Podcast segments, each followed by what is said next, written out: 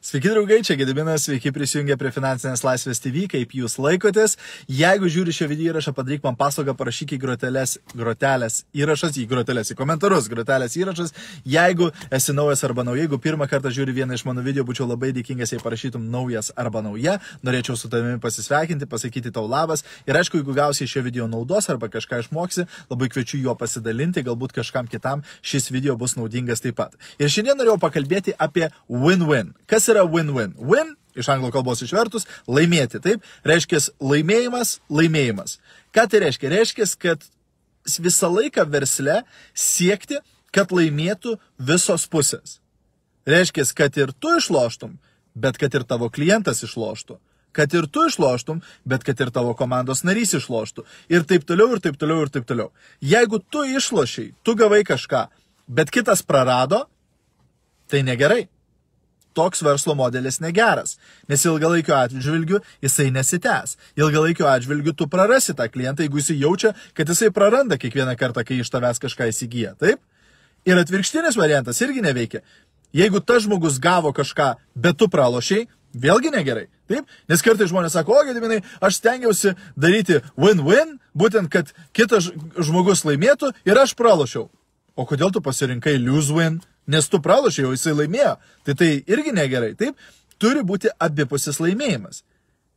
Ir būtent, kai mes turime verslo modelį, kai mes sukūrėme būtent verslą, kur abipusės laimi, kur aš laimiu ir mano klientas laimi, kur mano komandos narys laimi ir aš laimiu, tada verslas gali tęstis amžinai. Jisai niekada neturi sustoti, jisai niekada neturi nustoti, nes visi visą laiką laimi, taip? Ir jeigu nėra galimybės sukurti tą win-win, jeigu nėra galimybės sukurti, kad abu du laimėtume ir aš laimiu ir mano klientas laimi, tada geriau no deal. Tada geriau iš viso nedaryti verslo su to žmogum. Tada geriau iš viso nedaryti to sandorio. Jeigu tu jauti, kad tu praloši, arba tu jauti, kad tas žmogus praloši, taip? Tai verslas yra viskas gerai. Uždirbti didelius pinigus, nieko blogo. Sukurti didžiulės paimas, didžiulės kompanijas ir panašiai, viskas gerai. Jeigu tu nekenki savo ir nekenki kitiems žmonėms to pasiekoje. Tai darydamas, taip? Nes jeigu tu uždirbi, bet tai kenkia kitiems žmonėms, tai jau yra neetiška. Tai jau yra negerai. Ir tai ilgalaikio atžvilgiu tu praloši. Jeigu kiekvieną kartą, kai tu išloši, kažkas pralošia, tokiu būdu ilgalaikio atžvilgiu tavo verslas nesitęs. Ilgalaikio atžvilgiu tu vis tiek praloši. Visada siek, kad būtų win-win. Taip, aš noriu uždirbti, bet aš noriu, kad mano klientas jaustųsi, kad jisai laimėjo. Aš noriu, kad mano klientas jaustų, kad jisai gavo daugiau vertės, negu jisai sumokėjo pinigų. Kad jisai gavo geresnį servisą, negu jisai tikėjosi. Kad jisai gavo geresnę informaciją, negu jisai galvojo gaus. Supranti, ką turiu minėti? Jeigu tu sukuri win-win ir tai gali būti su produktu, su informacija, su mokymais, su viskuo. Net prie komandos, kai prisijungia žmogus. Sakykime, prie tavo kompanijos, prie tavo komandos prisijungti kainuoja 100 eurų, 300 eurų, 500 eurų, 1000 eurų ar žmogus susimokėjęs tos 300, 500 ar 1000 eurų jausis, kad jisai daugiau laimėjo, negu jisai išleido pinigų. Ar jisai jausis, kad išleidau 1000, bet verties gavau kokius 700. Jeigu tai yra, tada tai nėra win-win. Reiškia, tas žmogus nesijaučia, kad jisai laimėjo. Tas žmogus nesijaučia, kad jisai gavo pakankamai verties. Bet jeigu tavo klientas iš tavęs pirkdamas su malonumu tau moka pinigus, nes žino, kad visą laiką gaus daugiau vertės, negu jisai sumoka, tai yra win-win. Tu gavai pinigus, tu uždirbai pinigus, tu jautiesi gerai ir tu padarai taip, kad klientas pasijaustų, kad jisai irgi laimėjo.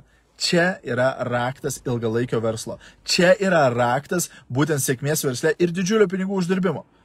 Pažiūrėkite į pačias didžiausias kompanijas, kurios uždirba didžiausius pinigus ir padaro daugiausiai pardavimų. Ką jie padaro? Jie sukuria tokią vertę, kad žmogus su malonumu mokėtų tos pinigus. Kad žmogus su malonumu eitų vėl ir vėl ir vėl pas juos, nes jisai žino, kad jisai kiekvieną kartą gauna daugiau vertės, negu jisai sumoka pinigų.